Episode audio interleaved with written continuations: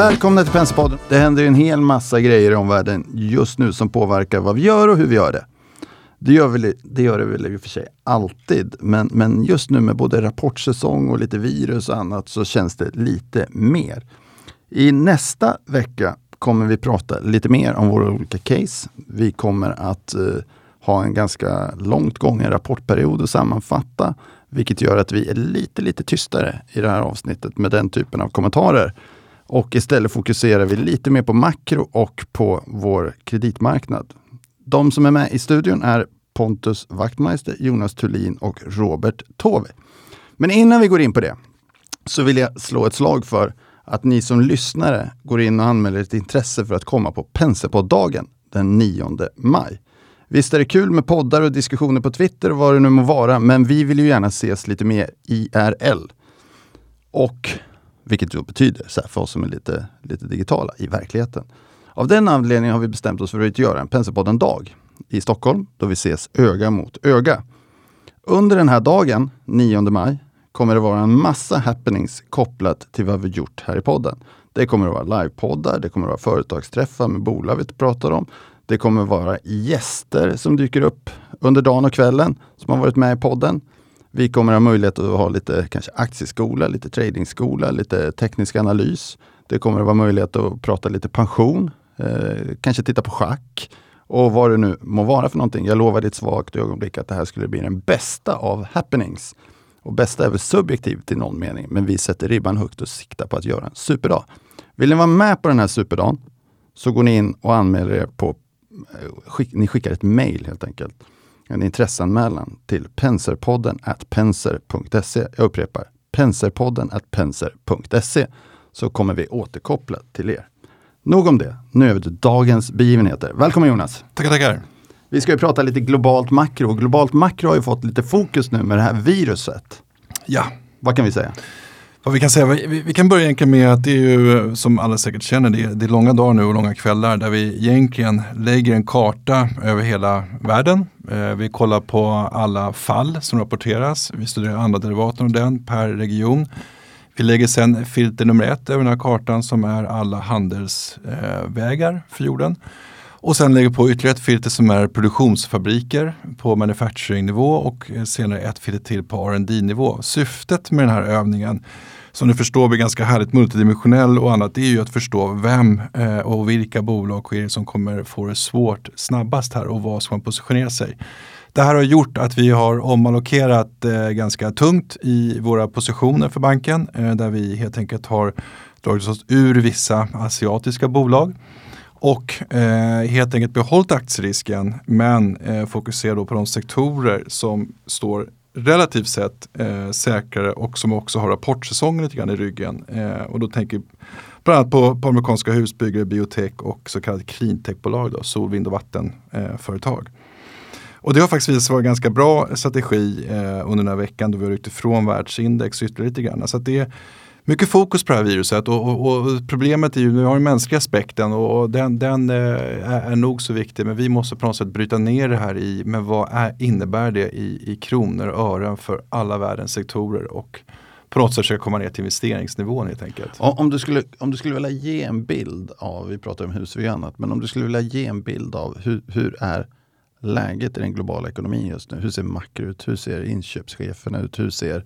liksom, mm. Hur ser den sammanfattade vyn ut av nuläget? Ja, den sammanfattade vyn ser, ser ju eh, positiv ut fortfarande. Det är, det är en vy vi har hållit väldigt länge och man kan man kan titta på, man kan ta sådana exempel som USA och Iran, vi kan titta på det här viruset och så kan man oroa sig om tillväxten. Men i andra vågskålen måste vi komma ihåg alla de handelsavtal som USA har klarat av och det adderar ungefär 2,3% till amerikansk tillväxt. Det är enorma siffror vi pratar om, det är enorma kanaler man nu öppnar upp. Det där märks redan i produktionen i USA som nu står i, i fas att börja växa ganska aggressivt på uppsidan.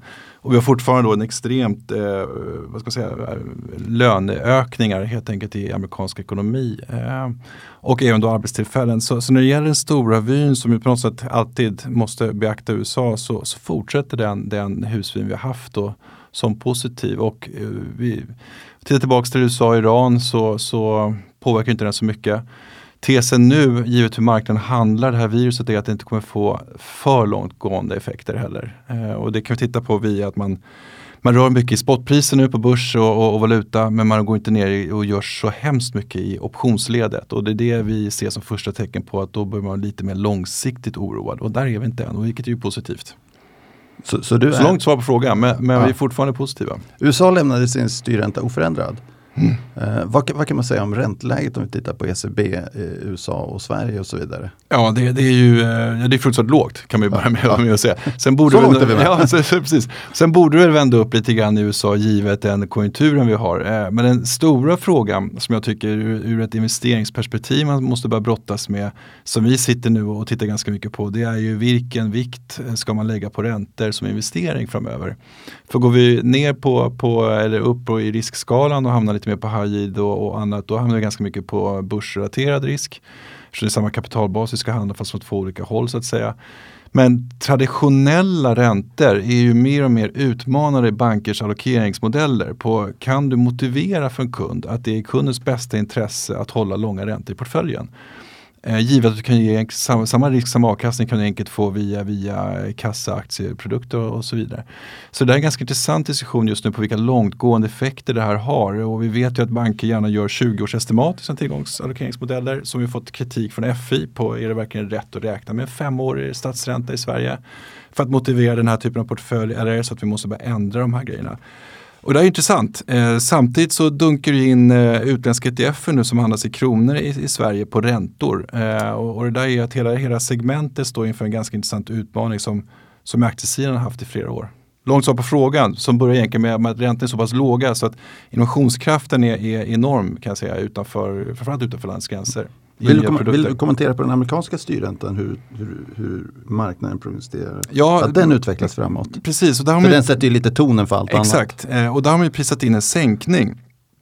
Och det, där sticker vi ut haken lite grann och tycker att det finns nog egentligen inte några skäl att eh, Fed ska sänka. Eh, sen, sen, så vet vi att futures alltid överdriver riktningen. Så, så tror man att det tiltar lite neråt då, då prisar man in en sänkning och likadant så, så är man alldeles för hawkish på andra sidan. Och det här försöker vi utnyttja eh, i och med att det inte går, gå åt andra hållet. Eh, man skjuter på den här presumtiva sänkningen då. Först var det mars, nu juni, nu, nu framme i september. Och, och vi tror att man kommer få skjuta det här lite mer. Sen ska vi komma ihåg att någon större ränterörelse kan vi nog inte få i år för att vi kommer in i ett amerikanskt val då Fed av tradition inte gör någonting med räntan tre månader före tre månader efter. Eh, så, så det här kan nog bli ett ganska lågvåld-år. Eh, och då kommer ju pysa desto mer i valutor. Det kommer mer tryck i valutor för att hela tiden hålla hela handelssystemet i balans. Eh, och där tror jag faktiskt att kronan kommer fortsätta gå svagare mot dollarn. Trots att man inte får stöd av en räntehöjning då. Det, det ligger inte i korten för tillfället. Det, det får oss ju, för oss ju osäkert in på det amerikanska valet. Mm. Eh, hur ser marknaden på det och på de olika kandidaterna för tillfället och vilken effekt tror du att det kan få? Ja, marknaden just nu, och det kan vara rätt eller fel, men, men om man tittar på den datan som, som vi vet att marknaden tankar ner mest, för det kan vi följa eh, med, med, via, via Bloomberg och annat, så, så, så, så är det ju en, en, en ganska enkel vinst för Trump. Han kommer inte bli fälld i riksrätten och han kommer gå en Eriksgata i presidentvalet. Han, de kommer behålla majoriteten i senaten men, men fortsätta vara minoritet i, i representanthuset. Den stora stötestenen för marknaden det är ju de demokratiska eh, vad ska jag säga, motståndarna där man ju, har varit väldigt oroad över Elizabeth Warren eh, som hade en ganska radikal politik på skatter och hur man skulle dela upp Amazon, hur man skulle göra med banker och så vidare. Nu har hon fallit lite i glömska. Eh, och då har Biden eh, varit den som varit den främsta kandidaten. Nu har han också kommit ner lite grann. Så den främsta kandidaten här idag är ju faktiskt Sanders, Bernie Sanders. Och han är ju i, i svenska mått mätt helt säkert en, en normal politiker, amerikanska mått mätt en, en, en galning på vänstersidan då. Eh, nu finns det galningar på högersidan också men, men till vänster om, om, om, eh, långt till vänster om skalan. Eh, och tittar man då på, på hans politik så är väl marknaden återigen lite orolig för vad innebär den här vänsteromsvängningen. Sen är det väldigt få som tror att eh, Trump kommer vara i närheten av att få stryk av Sanders. För man räknar iskallt med att, att amerikanen eh, genuint ogillar den här typen av, av vänstervridning av politiken som han ändå förespråkar. Sen har vi då en, en, eh, lite gubbe i lådan här Robin Bloomberg. Eh, som ju inte riktigt är med på posen för han kom in så sent så han inte heller registrerats överallt heller. Men han spenderar ju absolut mest i termer av internetkampanjer. Han har lagt ner ungefär 254 miljoner dollar hittills vilket ju är mest av alla kandidaterna där. Och där är lite grann, tror jag, marknaden extremt lugn. Eh, för byter vi ut en vit gammal gubbe i kostym på en annan vit gammal gubbe i kostym. Dessutom så finansierade Trump, eller Bloomberg Trumps första kampanj så är det lite grann eh, sak samma eh, för, för, för, för, marknaden. Så den vi håller koll på, det är om Warren dyker upp igen, annars är det Sanders som man kan tänka sig på, en typ av våldstrategi, det vi först och främst tänker på att skydda oss på. Eh, annars så ser valet ut att vara en ganska, inte lugn affär, men en ganska rätt fram process. Så, så ska man sammanfatta lite grann så ser det hyggligt hyggligt ut i USA sett till att mm. styrräntan är, är stilla och kanske eventuellt att de sänker den lite vad det lider. Och sen kommer ett amerikanskt val som påverkar i runda slänga sex ja. månader som, som kan bli lite av en icke-händelse för marknaden. Absolut. Och tittar vi på stimulanser så ska vi inte heller glömma bort att nämna de eh, stimulanser som just nu skjuts ut i Kina. Jag vet att man rapporterar media om att man vill ha ett besked och man, man, man ligger nog kanske några dagar efter där. Det har redan kommit sådana besked från, från Kina, det syns redan i datan. Eh, och vi ska komma ihåg att innan viruset eh, fick den här chockreaktionen på börsen så var det föranlett av att Kina drog undan enorma mängder likviditet. Sen kom viruset som en, som en, eh, en extremt olycklig timing över det hela.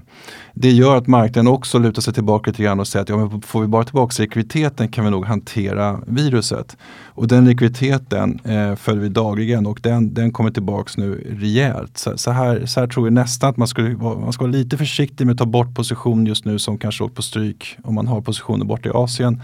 Eh, för, för de här stimulanserna som vi vet ju är ju A och O för, för kinesisk börs. Mm. Om, om, man ska titta lite på risksidan då, vilka risker ser om vi, om vi lite grann kan sätta det här viruset inom parentes så som det ser ut just nu när vi pratar. Vilka, vilka risker kan vi i övrigt lyfta fram till det här lite mer grundpositiva scenariot? Ja, det, det är ju att vi prisar för mycket för fort. Eh, att, det går, att det går eh, kanonbra redan eh, i, i alltihopa och, och kan det verkligen gå bättre? Eh, som tur var lite grann så ligger ju, om man, då, om man tittar på ekonomkonsensus och analytikerkonsensus fortfarande efter vad vi ser rent ekonometriskt, hur mycket börsvinsten ska komma i USA och så vidare. Eh, sen när vi tittar på, på risker så tycker vi att det finns nog risker för, om man, om man kan kalla det för bredare mandat i den bemärkelsen att sitter man på en Europa-investering då kan man nog få en ganska tråkig utveckling. Sitter man på en bred amerikansk investering kan man nog få en ganska tråkig utveckling. Eh, vi har ju nu valt att, att spetsa portföljerna eh, förnät också av, av situationen vi har med, med riskerna, viruset i USA, Iran och alltihopa. Så vi kör vidare med amerikanska husbyggare. Eh, det ska komma ihåg att det är en strategi som har gått upp när resten av börserna har gått ner och hjälpt oss hålla emot fantastiskt bra.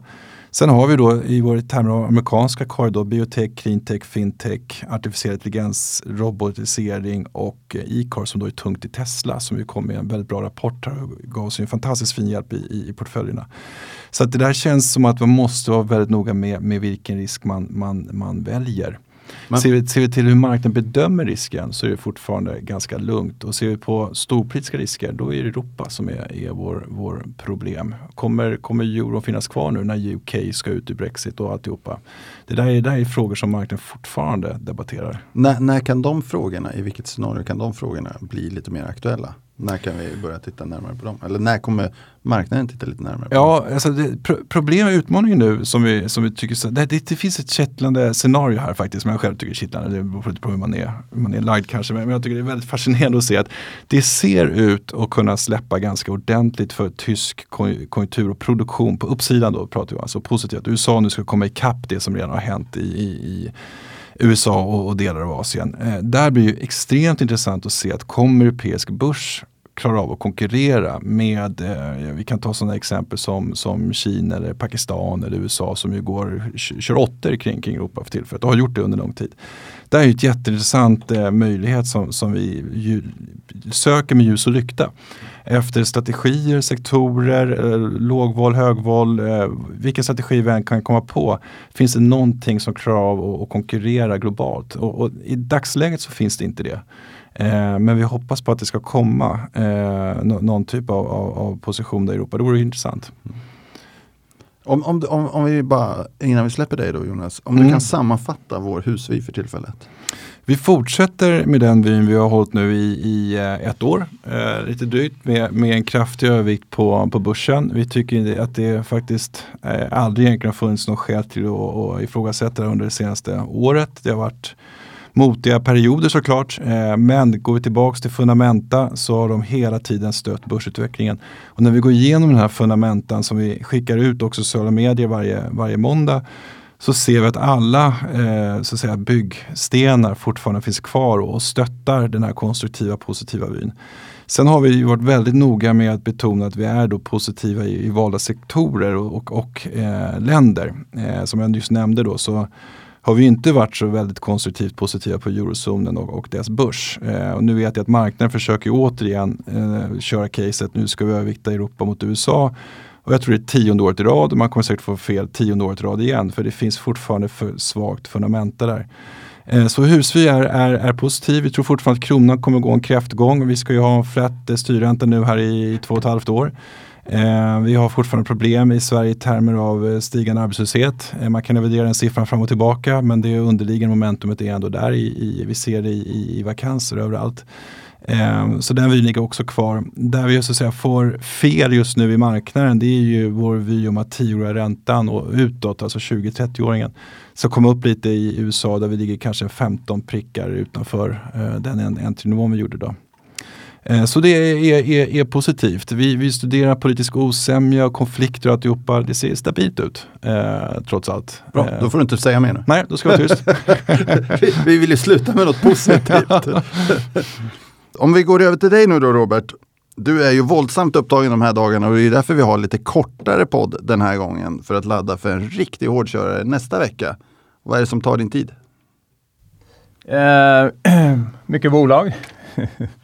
Eh, och, och eh, idag H&M då som vi har tittat lite närmare på förstås. Eh, intressanta rapporter från bank eh, och en hel del intressanta verkstadsrapporter då med, med Volvo som kom med en riktig rökare idag. Vi, vi ska prata mer detaljer nästa vecka men, men, kan, man, kan man lite översiktligt säga någonting om vad, vad man, vad man ser så här långt? Eh, lite svepande och målande. Ja, lite svepande och målande kan man väl möjligen säga att lite flattish, kanske till och med eh, lite, lite försvagad efterfrågan guidat inom verkstad. Eh, samtidigt som bank då eh, kan möjligen se ut att ha, ha passerat kostnadstoppen eh, med, med eh, eh extraordinära kostnader i, i eh, relation till vad som händer i Estland och Lettland. Upp, upplever du att det här coronaviruset och så vidare som vi har pratat om lite tidigare med Jonas, upplever du att, att det påverkar hur man handlar på rapporterna just nu eller är det liksom nej, en liten det, parentes? Nej, nej, det tror jag faktiskt inte. Nej. Eh, det var ju uppe lite grann idag på HNs presskonferens men uh, det, det, känns inte som att det är någonting som liksom överskuggar handeln annat än så momentant då när vi får en, eh, en extremt svag dag som vi hade häromdagen då. Men eh, det verkar ju blåsa över fort igen. Du ska prata om två bolag eh, som du har haft lite koll på. Det är ju H&M och Atlas. Om vi börjar med H&M då eftersom du var inne på att du hade varit med på deras dragning. Mm, precis, eh, de kommer ju ha ett konf-call idag klockan två också. Jag tycker det är kul med, med H&M. Det visar lite grann att den här case-analysen som vi har valt att Eh, fokusera på då eh, vid sidan om uppdragsanalysen till skillnad från vanlig maintenance-analys är eh, ett spännande område och som kanske fler kommer att intressera sig för framöver också, även på säljsidan. Här har vi ju vi en, tar vi en, en långsiktig approach och vi tittade på H&M någonstans årsskiftet 2017-2018 just med en eh, 3 5, ett 3 5 års perspektiv. Och vår slutsats då var ju att marknaden eh, fokuserade för mycket kortsiktigt och inte riktigt räknade på eller bedömde vad eh, bolaget faktiskt höll på med för, för större åtgärder för att eh, eh, återkomma till tillväxt på topline och få tillbaka marginalerna. Eh, sen har det där då successivt eh, Eh, förbättrats för, för H&M framförallt topline och senast eh, som vi pratade om, om H&M här under kvartalet så har våran åsikt varit att eh, nu är nästa steg för marknaden att ta ikapp då, marginalutvecklingen. Och det var ju precis det som H&M visade i det här kvartalet. Försäljningen visste vi ju redan om, men, men marginalerna kom ju in på eh, tydligt bättre nivåer än vad som var väntat. Och nu börjar ju då de här tre, fyra tuffa, tuffa åren som H&M har haft eh, med investeringar, med att ställa om till en mer digital miljö, med AI-investeringar och så vidare. Det börjar eh, betala sig. Man har ju också eh, ändrat strategi vad gäller butiksöppningar så att man öppnar väsentligt fler, eh, färre butiker nu än tidigare. Så man stänger butiker i västvärlden kan man säga och fokuserar nya butiker till framförallt eh, Asien, ex-Kina och, eh, och Latinamerika. Det här får man nu betalt för och eh, jag tror att marknaden har mycket att hämta ikapp. Så att trots att aktien är upp 10% idag och, och eh, värderingen då kommer upp på någonstans P20 så ligger marknaden fortfarande behind the curve så att säga. Så att eh, jag tror att det finns mer att hämta. Jag tror att det finns många förvaltare som, som eh, ligger underviktade eller som kan köpa på sig mer och vi har fortfarande en, eh, vissa kortpositioner i marknaden som sannolikt ska täckas. Så nu visar man att, att man är på rätt spår tycker jag. Vad, vad, har då den här omställningen, för det pratade man ju väldigt mycket om tidigare som jag uppfattade att, att de hade lite fel affärsmodell och så vidare. Va, vad innebär den här omställningen rent konkret? Är det att man säljer över nätet mycket mer nu och lite mindre i butik? Eller vad, vad, vad, är skillnaden? Effektivare lagerhantering? Ja, eller? precis. Det där är ju några saker. Dels uh, online-tillväxten som börjar närma sig 20 procent eh, totalt av, av H&M's omsättning. Det är, det är en punkt. Ja. Eh, den är viktig. Eh, nya logistikcenter Eh, nya kundupplevelser som man eh, utvärderar på olika sätt. Eh, eh man stänger igen stora butiker, öppnar mindre eh, som innehåller kaféer, du kan hyra kläder. Eh, man testar många olika saker men det viktiga är ju förstås att man får rätt i kollektionerna så att man kan börja jobba, jobba ner det stora varulagret som man har. Ja. och det här är ju en, en, en resa tror jag som H&M egentligen precis har börjat. Så säg att man är 20-25% in i den här omställningsresan i steg ett. Eh, Carl-Johan Persson pratade ju idag om att eh, han räknar med att kommande 20-30 år kommer att vara en fortsatt omställning för retail som sådant. Men, men H&M har en stark position. Eh, man får in en ny eh, VD nu som, eh, som eh, förhoppningsvis får eh, fria tyglar att, att eh, vidareutveckla bolaget. Och, det här är ju någonting som vi tycker att man ska vara fortsatt exponerad mot. Vad säger du Pontus? Du har väl haft ögonen på H&M tidigare. Hur upplever du en sån här rapport? Mm, jag har inte tittat supernoga på den. Jag tenderar ju att köpa eh, när det är lite stormigare för att komma åt. Det är ju som vanligt att eh, intjäningen och topline rör sig mindre än aktiepriset. Så när man kunde komma åt H&M på 120-130 kronors nivån och estimera en svag intjäning på 8 kronor eller sånt där, så var det ju eh, även om de delade ut en del av det så fick man en ganska schysst yield även med hängslen och livrem. Um, så jag ägde H&M en, en, period för något år sedan eller två där men, men släppte dem eh, 140 kronor. Eller sånt För mitt avkastningskrav är ju rätt lågt jämfört med aktiemarknaden i stort. 10% 15% är jag ganska happy. Sen eh, har jag historiskt, eh, för många år sedan så gjorde vi en analys på H&M att just deras inkrementella marginaler var väldigt dåliga. Eh, och att lagret steg i snabb takt och det var innan problemen. Så att vi har liksom varit både eh, skeptisk och sen eh, opportunistisk och nu ganska neutral. Så jag har ingen position idag i H&M och det, det liksom träffar inte riktigt. Eh. Men, men det är ett bolag som lyckas med den här omställningen ändå?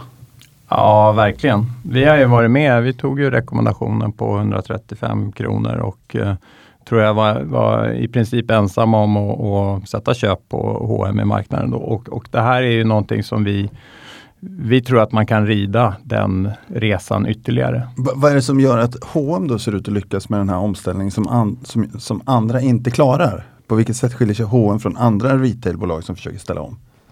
Uh, ja, ja, alltså, jag tror att en förklaringsvariabel är hur stora investeringar man har gjort i marginalen uh, och i balansräkningen för att ställa om bolaget. Uh, det, det, är inte så många aktörer som, som har de finansiella musklerna att klara av det. och det har ju varit en, en punkt som vi har pekat på under de här åren. Uh, jag, jag, tror att om, om marknaden skulle vika mer dramatiskt här uh, ur ett makroperspektiv, då är ju risken väldigt stor att många näthandlare får stryka på foten helt och hållet. För att de har varit i marknaden länge, har fortfarande inga positiva marginaler och eh, jobbiga balansräkningar. Så att eh, det skulle ju i så fall öppna spelplanen ytterligare för, för en eh, stor aktör som H&M då. Men H&M ser ändå framför sig en ganska lång omställningsresa framåt då? Ja, jag det är en pågående för evigt omställningsresa? Man ja, precis. Ja. Det tror jag. Intressant. Om vi går vidare då, Atlas? Mm. Eh, Atlas är ju också ett sånt här kvalitetsbolag kan man väl säga då. Eh, stor favorit hos både svenska och eh, utländska förvaltare. Bra, bättre, bäst pratade vi om häromdagen på eh, morgonmötet. Eh, kommer in med en rapport som är lite sämre på alla punkter. Eh, indikerar också guida guidar för en svagare efterfrågan, åtminstone första halvåret inom egentligen alla affärsområden utom eh, eh, bakom teknik då som, som framförallt riktar sig mot semiconductors.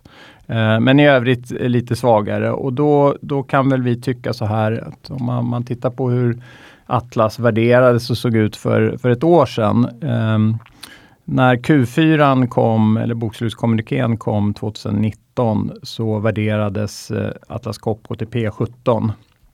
Eh, man hade då levererat i, princip en, en 7, 0, 0 tillväxt eh, på vinstnivå och eh, året gick. Aktien är upp 90 har outperformat svensk verkstad med 40-45 värderas på en premie till nordisk verkstad till någonstans 35 och ett P-tal som idag ligger på 25% En vinsttillväxt för 2020 som ligger i marknaden på någonstans 7, procent.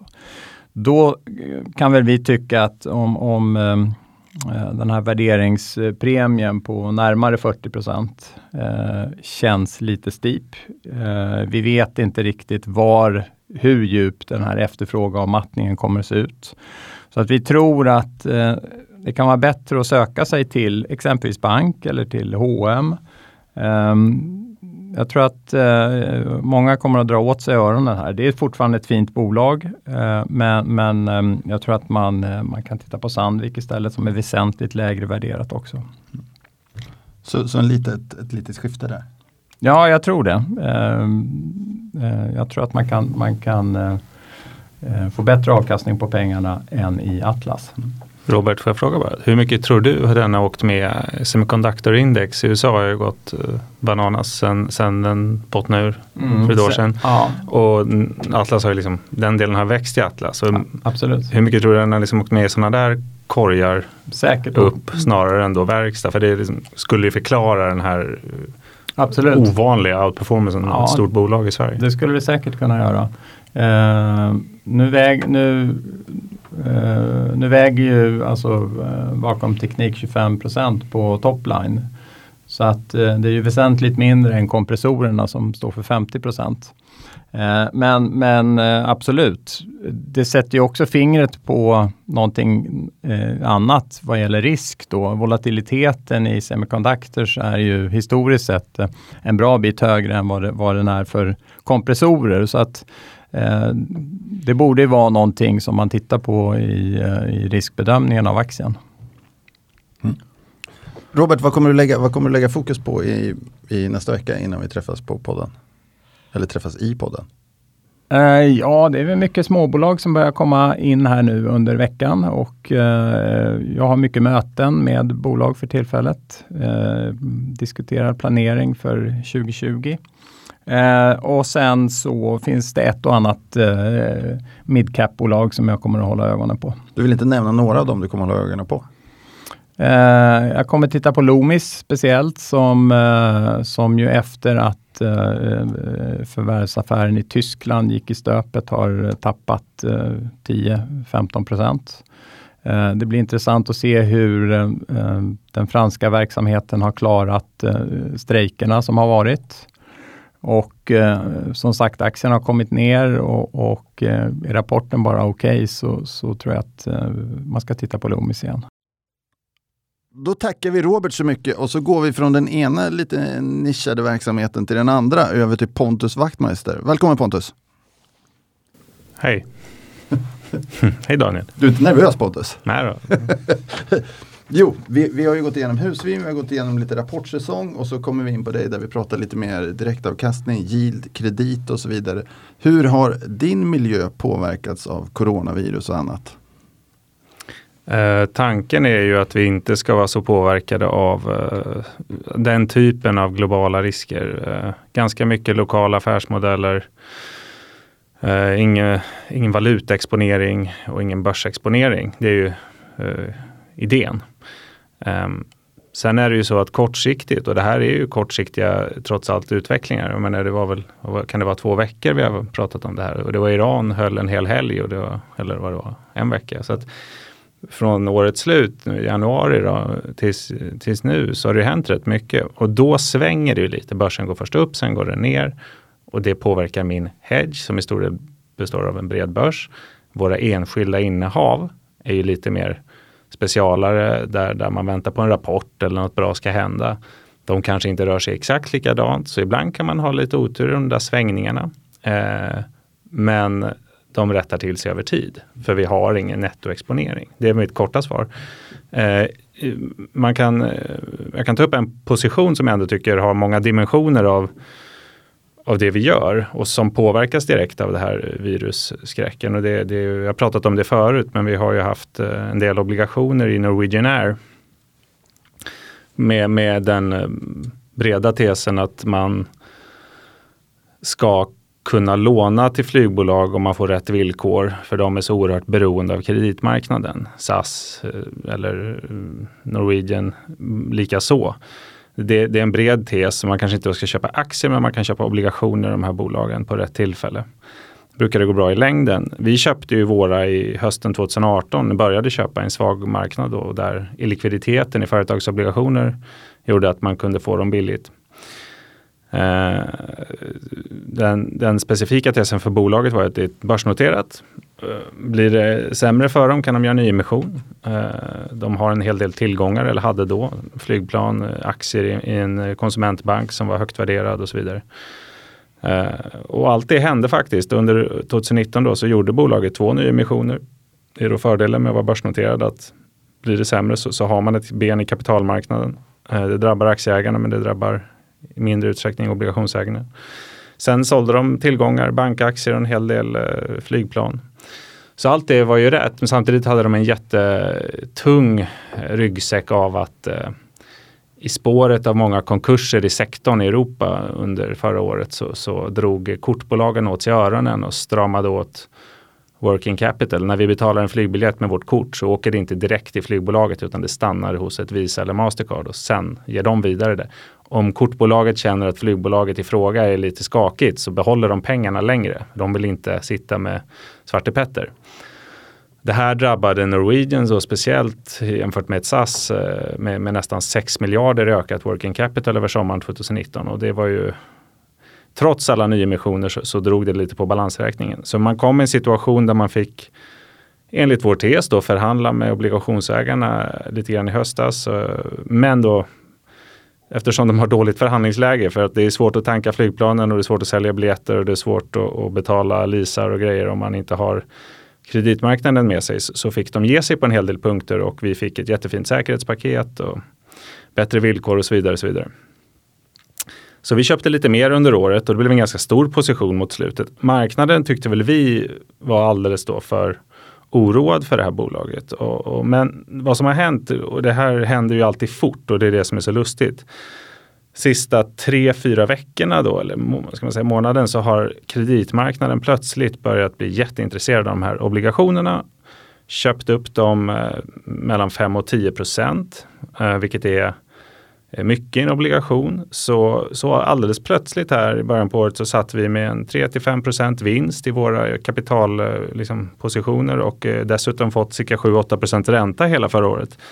Och då är det nästan 10% det är en bra avkastning för oss i en eh, säkerställd, eh, rätt eh, icke-volatil ändå investering.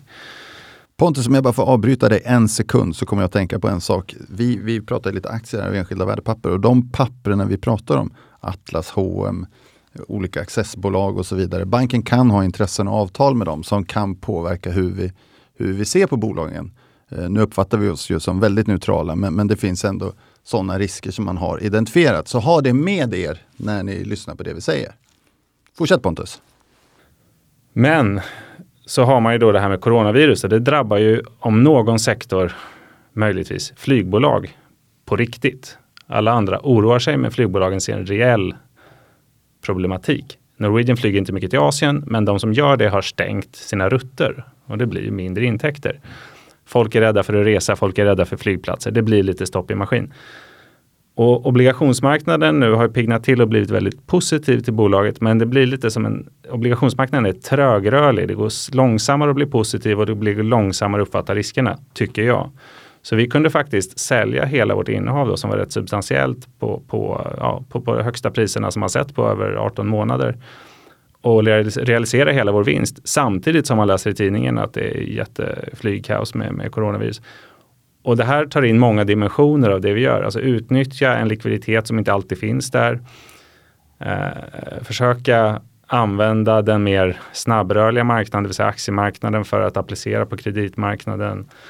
Eh, och, och i övrigt vänta, få rätt i vår fundamentala analys och vänta ut en investering. Så att, eh, vi får se. Jag vill köpa igen av den där om, om obligationsmarknaden börjar svettas lite igen. Men, eh, men vi väntar på den om, om, man ser, om man ser marknaden i övrigt på, på kreditsidan just nu, vart, vart befinner sig det största intresset? Vart, vart, vart tittar investerarna som du ser det?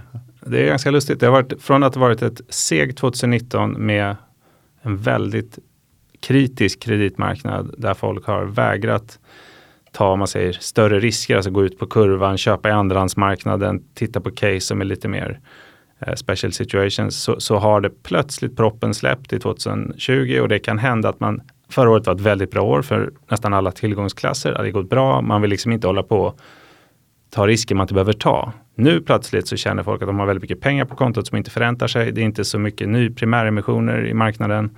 Då ger man sig ut på andrahandsmarknaden. Så att en stor förändring har varit att alla vill plötsligt köpa allt. Uh, och eftersom vi har då köpt saker som ingen ville ha förra året så, så sitter vi nu och pytsar ut i lugn takt det vi, det vi kan eh, sälja på på högre priser och har fått bra ränta. När folk, eh, för man måste utnyttja likviditeten åt båda håll. Det, det, är helt, alltså det finns likviditetspremium, man kan tjäna pengar på likviditet men då måste man utnyttja den till sin fördel. Och det innebär att köpa när andra måste sälja och det innebär att sälja när andra måste köpa. Så att eh, det är precis det vi gör nu och det är en stor skillnad och så ser den marknaden ut just nu. Sen kommer ofta primärmarknaden igång, nyemissioner på bonds för företagen tänker aha, här finns det ett efterfrågan. Och då suger det upp kapital och då slutar folk köpa i, i sekundärmarknaden. Så man spelar det där lite, men, eh, men, men, men eh, den är positiv just nu. Va, vad är det som gör att, du nämnde precis att det inte är så mycket primärtransaktioner, vad är det som gör att eh, de hålls ner? Lite? Det tar ett tag efter jul. Det, det är liksom, säsongen är ofta att det händer mycket i december och mycket innan midsommar. Uh, och där liksom, i precis början på året så ska man ut och göra roadshow, man ska göra kunderna ska komma på plats. Uh, det tar ett tag att komma igång men den finns där. Den är, det är en lång pipeline så att säga. Och, och det är lite säsongseffekt helt enkelt bara. ja det skulle jag säga. Den, den kommer nog med en jättevåg snart. Men, men den brukar vara säsongsbetonad. Um, och, och, i termer av sektorer och vad folk vill ha. Det är inte särskilt, uh, nu är man inte särskilt diskriminerande utan man, man, man köper det mesta skulle jag säga. Mm. Finns det något annat, vi är inne i rapportperiod, finns det något annat som du tittar på eller som, som du sitter och funderar på gällande din portfölj i, i nuläget? Uh, den typen av bolag, alltså medelstora aktiebolag eller obligationer som, som jag investerar i, de, de rapporterar generellt senare i säsongen. Men jag skulle säga från och med nu och slutet på februari. Så jag är inte riktigt där. Vissa bolag, om jag tänker på ett Byggmax som vi har diskuterat tidigare som vi har köpt, har rapporterat och där hade jag faktiskt lyckats sälja ut allt precis innan så det var ett, eh, men då gick aktien från 25 till nästan 30 och eh, det låter ju som trading men det är ett avkastningskrav som mitt som är 15 procent. Om man får det på, på kort tid då, då, då säljer man och får man det på lång tid. Får man det på kort tid kallar man det trading, på lång tid kallas det investering. Men nu fick vi det på kort tid så vi sa det, jag hoppades att den rapporten skulle vara ännu sämre än vad, än vad den kanske var så att man fick en chans att köpa in sig igen. Men, eh, men marknaden eh, tyckte om den och den ligger kvar runt 30 så vi får se. Så svaret på din fråga, jag, jag väntar på de flesta rapporter i portföljen. Eh, jag vill utnyttja eh, möjligheter som kommer av, av överreaktioner. Men jag har inte fått några större chanser än. Ja. Jag, har faktiskt, jag har faktiskt, det är ju lite väntevecka det här för när vi går precis in i rapportperiod så blir det ofta lite vänta och se. Det blir lite halt man, man, kan faktiskt konstatera, och det har jag räknat på några gånger, att tittar man på hur vi upplever vårt arbete så jobbar vi som attans i rapportperioderna. Men, men egentligen så pratar vi inte så mycket med kunder, det är inte lika mycket transaktioner, det är inte så mycket utan det är väldigt mycket informationsinsamling i den här perioden. Så det blir lite spännande att se vad, vad som faktiskt kommer ur det, både med virus, makro och bolagsrapporter. Och med det så bryter vi den här veckans podd. Påminner om att mejla in och registrera ert intresse för för vår Penserpoddsdag 9 maj. Och det gör ni på pensepodden pense.se. Och så laddar vi batterierna för nästa vecka. Tack ska ni ha!